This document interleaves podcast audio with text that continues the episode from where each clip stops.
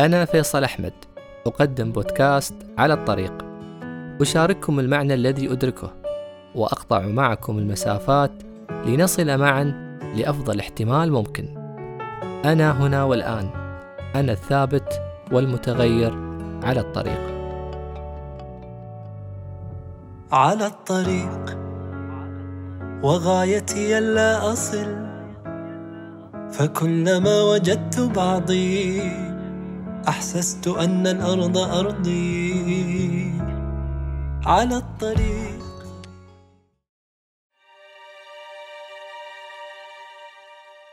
نقطة ارتكاز. موضوعنا في هالحلقة.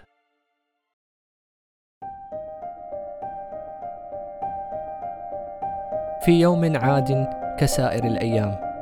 تستيقظ من نومك متعبا كأنك لم تنم. تقف متثاقلا وفي رأسك ألف فكرة وفكرة. تتناول فطورك مسرعا وبين يديك هاتفك سرعان ما تنحيه جانبا. تركب سيارتك تشغل الإذاعة. لعل ما عبر الأثير قد ينصف مزاجك فتلقى مسامعك أغنية لا ترضي ذائقتك. الطرقات مزدحمة ولا ينقصها غير حادث مروع يقع أمام ناظريك. تستقبل اتصالا جاء بخبر أزعجك. تصل أخيرا لكنك في تجوالك تجد بعض الأماكن غير مألوفة وبعض الأصوات غير مرغوبة كأنين مريض ذي رحم تسمعه وأنت تنتظر في ردهة المشفى. وصديق مغترب أبكاه الحنين وأعياه شوقه إلى وطنه وأهله. أو ربما الصمت جاء بعد محاولة أخيرة. لإخبار من حولك بكل شيء لم يفهموه. يمضي الوقت وأنت ما زلت تعيش صخب الحياة، تفكر في مسؤوليات عملك، تشعر بأنك بعيد عن طموحاتك، يؤرقك حزنك على ما فات، وترتعب بما هو قادم وآت. تعود إلى سريرك وفي داخلك ضوضاء عارمة أفكار مبعثرة وأصوات صارخة وتكرر الأيام نفسها. نصطدم بحزمة متضاربة من المشاعر لنشعر فجأة برغبتنا بالنأي بعيدا بعيدا عن كل شيء عن أنفسنا عن ضجيج الحياة عن كل ما يؤذي أرواحنا ويستنزف طاقاتنا عن كل شيء يبعدنا عن الفضول والدهشة.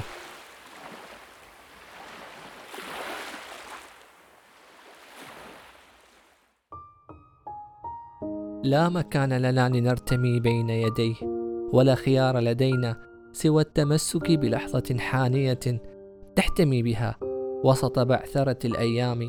فتكفيك على إبقاء روحك فتية قوية شجاعة شابة رغم كل شيء. لحظة تلملم أشلاءنا التي بعثرتها أيادي الوقت وثقل الأيام. لحظة تكفيك لحظة قد تعيدك إلى نفسك. وتشعل النور الذي أخمده الضجر في وجدانك. لحظة تعيد إلى روحك صفاءها وقوتها وشبابها. من الممكن أن تكون مكالمة من والدتك. كوب قهوة في مقهاك المفضل. غرفة هادئة في بيتك. سجدة في جوف الليل. صفحة من كتاب أو حوارا مع شخص يثير لديك الرغبة بالكلام والاهتمام. هي تلك العادة التي تنهض بعدها غالبا لترتب عثراتك وانكساراتك التي في داخلك. تجبر كسرك وتسند خطوتك. تزرع بذورها بيديك فتجني ثمارها عمرا كاملا. فتمسك بزمام الأمور بعد كل ضيق وتوتر وفتور بعد كل إرهاق وقلة تركيز. لتبعث الروح فيك مجددا. تملأك بالطاقة وتضخ فيك الحياة. لتدفعك كي تعيش رحلة شعارها. لا امتلاء من دون إجلاء ولا تجلي من دون تخلي.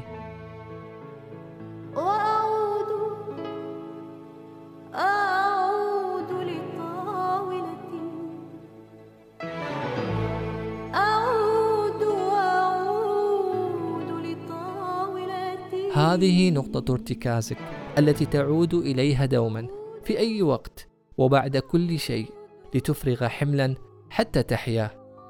إنه الوقت الذي تعود إليه كي تمارس فيها طقوسك الروتينية حتى تحيي سعيك من جديد في خضم حياتك الهائجة المليئة بالمنغصات والمتغيرات والصراعات.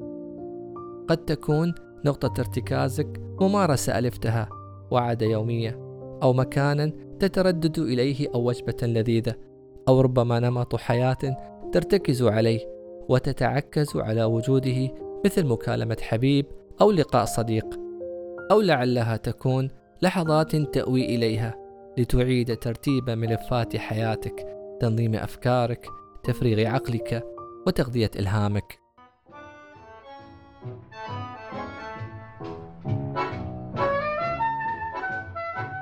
جميعنا نمتلك 24 ساعة نعيش دقائقها يوميا. إلا أن موعدنا مع لحظاتنا الآمنة الخاصة قد يختلف من شخص إلى آخر. وقتنا المفضل للاختلاء بذواتنا لاحتساء قهوتنا أو قراءة وردنا اليومي أو متابعة قائمة أهدافنا. فالبعض منا يشعر بدفء الإحساس والهدوء في مطلع الصباحات. حينما تسمع أحدهم يقول ما يحلى أو يكمل يومي إلا بكوب شاي مع صوت فيروز. وآخر يحمل بيده كتابا يتنقل معه في تجواله في مشاوير المساءات حتى تقع عيناه على أسطر صفحاته في أوقات الانتظار لتدهشه جملة أو يلتقط فكرة وتكون نقطة ارتكازه ومصدر إلهامه في الوقت نفسه. وهناك من يجعل نقطة ارتكازه في جوف الليل بسجدة وركعة أو دعوة عند الوتر في الثلث الأخير من الليل. وبين كل ما نمر به ونفعله من أشياء لا تزال هي قوة تستمدها لشيء ما في داخلك لتوازن مشاعرك لتخفيف الضغوط وصفاء الأذهان. ربما ورقة وقلم على هيئة حبر يملأها بحروف التشافي أو مكالمة من صديقك أو ربما في دعوات أمك ما يكفي للتعافي. أنت تمتلك نقطة ارتكاز تستند عليها قد تكون معروفة لديك أو أنها موجودة في يومك بشكل تلقائي لكنك لم تستشعر أهميتها أو تدرك سحرها بعد. كما لو أنها سلم تصعد عليه كلما احتجته دون أن تلاحظ أنه مغطى بغبار الذاكرة. يتكئ على حائط النسيان غريبا ينتظرك حتى اللحظة العابرة. ولأن نقطة ارتكازنا لحظة متفردة. تختلف باختلاف اهتماماتنا وميولنا عن الآخرين. سألت حولي من الأصدقاء والمقربين ما الطقوس والعادات اللي أصبح من الصعب أنك تتركها وما يكمل يومك إلا بها. جاءت الإجابات مختلفة ومتنوعة مثل موعد شرب فنجان قهوتي المفضلة في ستاربكس موعد تمرين اليومي بالصالة الرياضية لحظة سقي الزرع في حديقة منزلي تحدثي إلى صديقي المقرب تناولي لقطعة شوكولا قراءة وردي اليومي من القرآن. زاوية هادئة في ركن بيتي.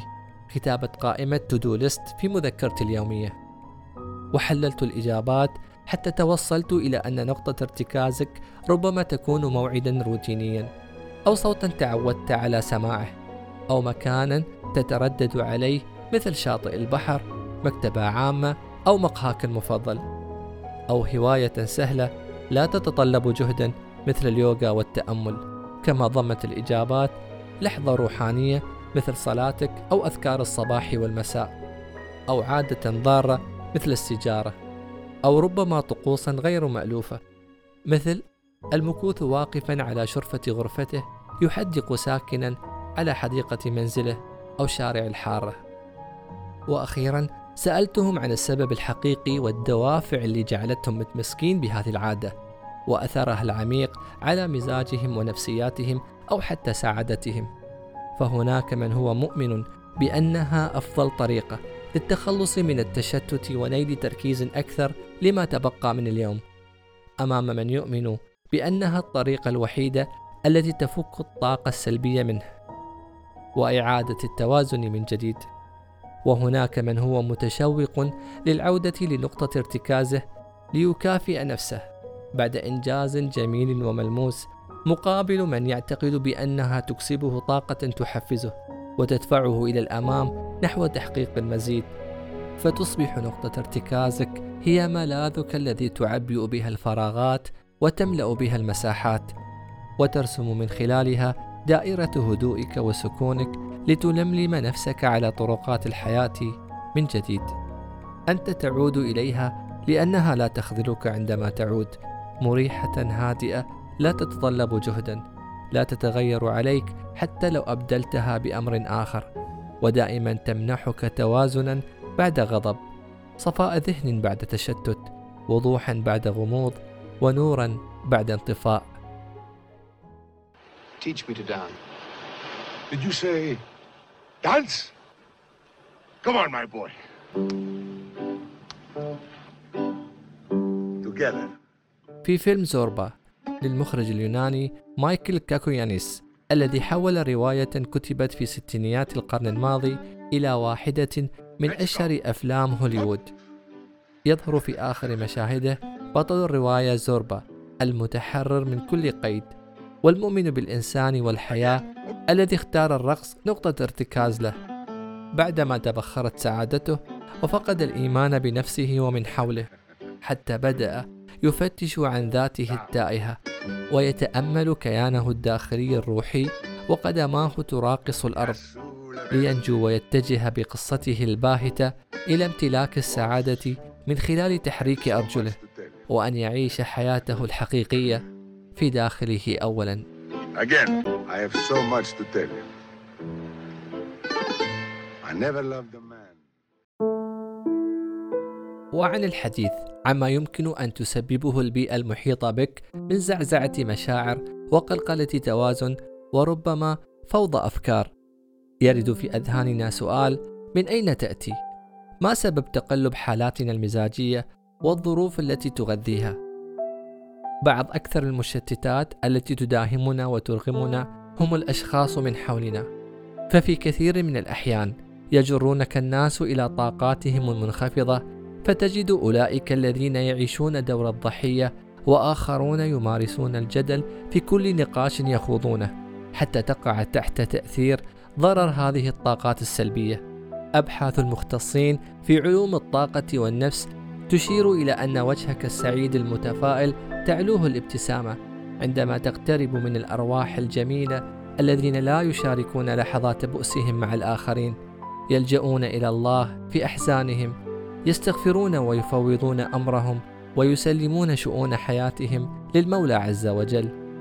فكلما كانت نقطة ارتكازك تستند إلى أمور تمدك طاقة كلما كنت أقرب إلى صفاء الذهن والسلام والراحة. والتي لخصها الباحثون في أربعة مصادر. أولا مصدر كل الطاقات الله سبحانه وتعالى. من سعى بوصاله ارتوى مستغنيا عن العالمين مستشعرا أنه اللطيف الحكيم الوكيل المتوكل وأننا به نستعين. تأتيه بدمعة بسجدة بصدقة وذكر. تأتيه بضعفك يأتيك بقوته. ثانيا الطبيعة. كجلوسك في حديقة مليئة بالأشجار والورود والعصافير أو على ضفة شاطئ البحر. فكما يقول أرسطو إذا كان طريق أفضل من آخر فتأكد أنه طريق الطبيعة. ثالثا ممارسة التنفس المنضبط في أي وقت وفي أي مكان لإيقاف كل فكرة سلبية. فعندما ينتظم التنفس والقلب تنتظم المشاعر. وكما قيل الكارهون لا يتنفسون بعمق. المصدر الرابع والأخير الحب الذي يجده المختصون بأنه أكثر من مجرد مشاعر بل طاقة ما إن ترسلها بدون مقابل تعود إليك بأضعاف ما أرسلتها. إنه ذاك الحب الذي يختارك ولا تختاره الذي يعيشك ولا تعيشه الذي يرى الأكوان من خلالك ولا تراه. زدني بفرط الحب فيك تحيرا. وارحم حشا بلظى هواك تسعرا ووسط تأثير الناس من حولنا تأتي شبكات التواصل الاجتماعي في المرتبة الثانية في تعرضنا لموجة متدفقة من الأفكار وكمية هائلة من مشاعر مضطربة. The Social Dilemma فيلم وثائقي على شبكة نتفليكس يستعرض الوجه المظلم لمنصات التواصل الاجتماعي عبر شهادات لمديرين تنفيذيين كانوا يعملون في أقوى وأكبر الشركات مثل فيسبوك وتويتر وإنستغرام A lot of people think Google's just a search box and Facebook's just a place to see what my friends are doing. What they don't realize is there's entire teams of engineers whose job is to use your psychology against you. Google, Twitter, Instagram. A whole generation is more anxious, more depressed. I always felt like fundamentally it was a force for good. I don't know if I feel that way anymore. يتحدث الفيلم عن أهم ما يمكن أن تعمله شركات التواصل الاجتماعي في إدارة حياتك الرقمية وقراءة أفكارك وتوجيه سلوكك. فبحسب أحد ضيوف الفيلم، إن المعلومات والأخبار المزيفة والشائعات تنتشر ستة أضعاف عن الأخبار الحقيقية، ونسبة كبيرة من مستخدميها يتأثرون سلبا في مقارنة أنفسهم بالآخرين. كما أنها ترفع من مستوى كآبة مدمنيها وعزلتهم وضعف تواصلهم الإنساني والاجتماعي، فبالنسبة لهم أنت هو المنتج. وهذا يقودنا للحديث عن مفهوم The Selective Ignoring أو ما يسمى بالتجاهل الاختياري. أهم مهارات هذا العصر لنعالج بها السمنة المعلوماتية وقدراتنا الذهنية المحدودة وحربنا مع التركيز. إنك تجرب مثلا تطفي تدفق الإشعارات من واتساب وتويتر وإنستغرام أو تحذف منصات التواصل لمدة أسبوعين أو أكثر أو إنك تغادر مجموعات الواتساب اللي مالك دور فيها. أن نعزل أنفسنا بزاوية بعيدة عن كل ما يشتتنا. فالقوة ليست دائما فيما نقول ونفعل. أحيانا تكون فيما نصمت عنه فيما نتركه بإرادتنا وفيما نتجاهله. المطر الذي لا ينقطع قد يقتل الزرع ويغرق العالم. وكذلك العقل الذي لا يتوقف عن العمل ويتنفس لا يمكنه أن يبدع ويبتكر. قد تكون العزلة عن الناس عن شبكات التواصل هي وسائل تنجينا لبعض الوقت عن ضجة الحياة. إلا أن من المهم أن تعلم أن النتائج المذهلة تأتي عندما تعود إلى الانفراد بمسراتك الصغيرة غرفتك الهادئة فكرتك الصادقة ورؤيتك المضيئة. فبحسب المفكر الأمريكي الراحل ستيفن كافي ابدأ وعينك على النهاية فكل الأشياء تصنع مرتين ولا شيء يعيد المرء لنفسه إلا نفسه.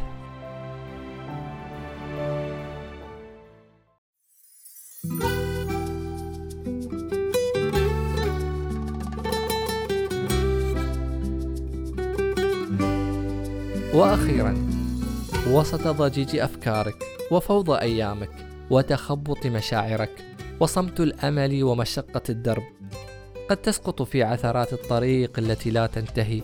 قد لا تكون بحاجة إلا إلى مبعث مدد ويقين لا ينضب. إلى صلاة أو خلوة تبعث فيك الطمأنينة بعد عثرات وشكوك. تذكرك بأنه وحده جل في علاه يدبر الأمر حين يصعب. لنقطة ارتكاز تستند إليها.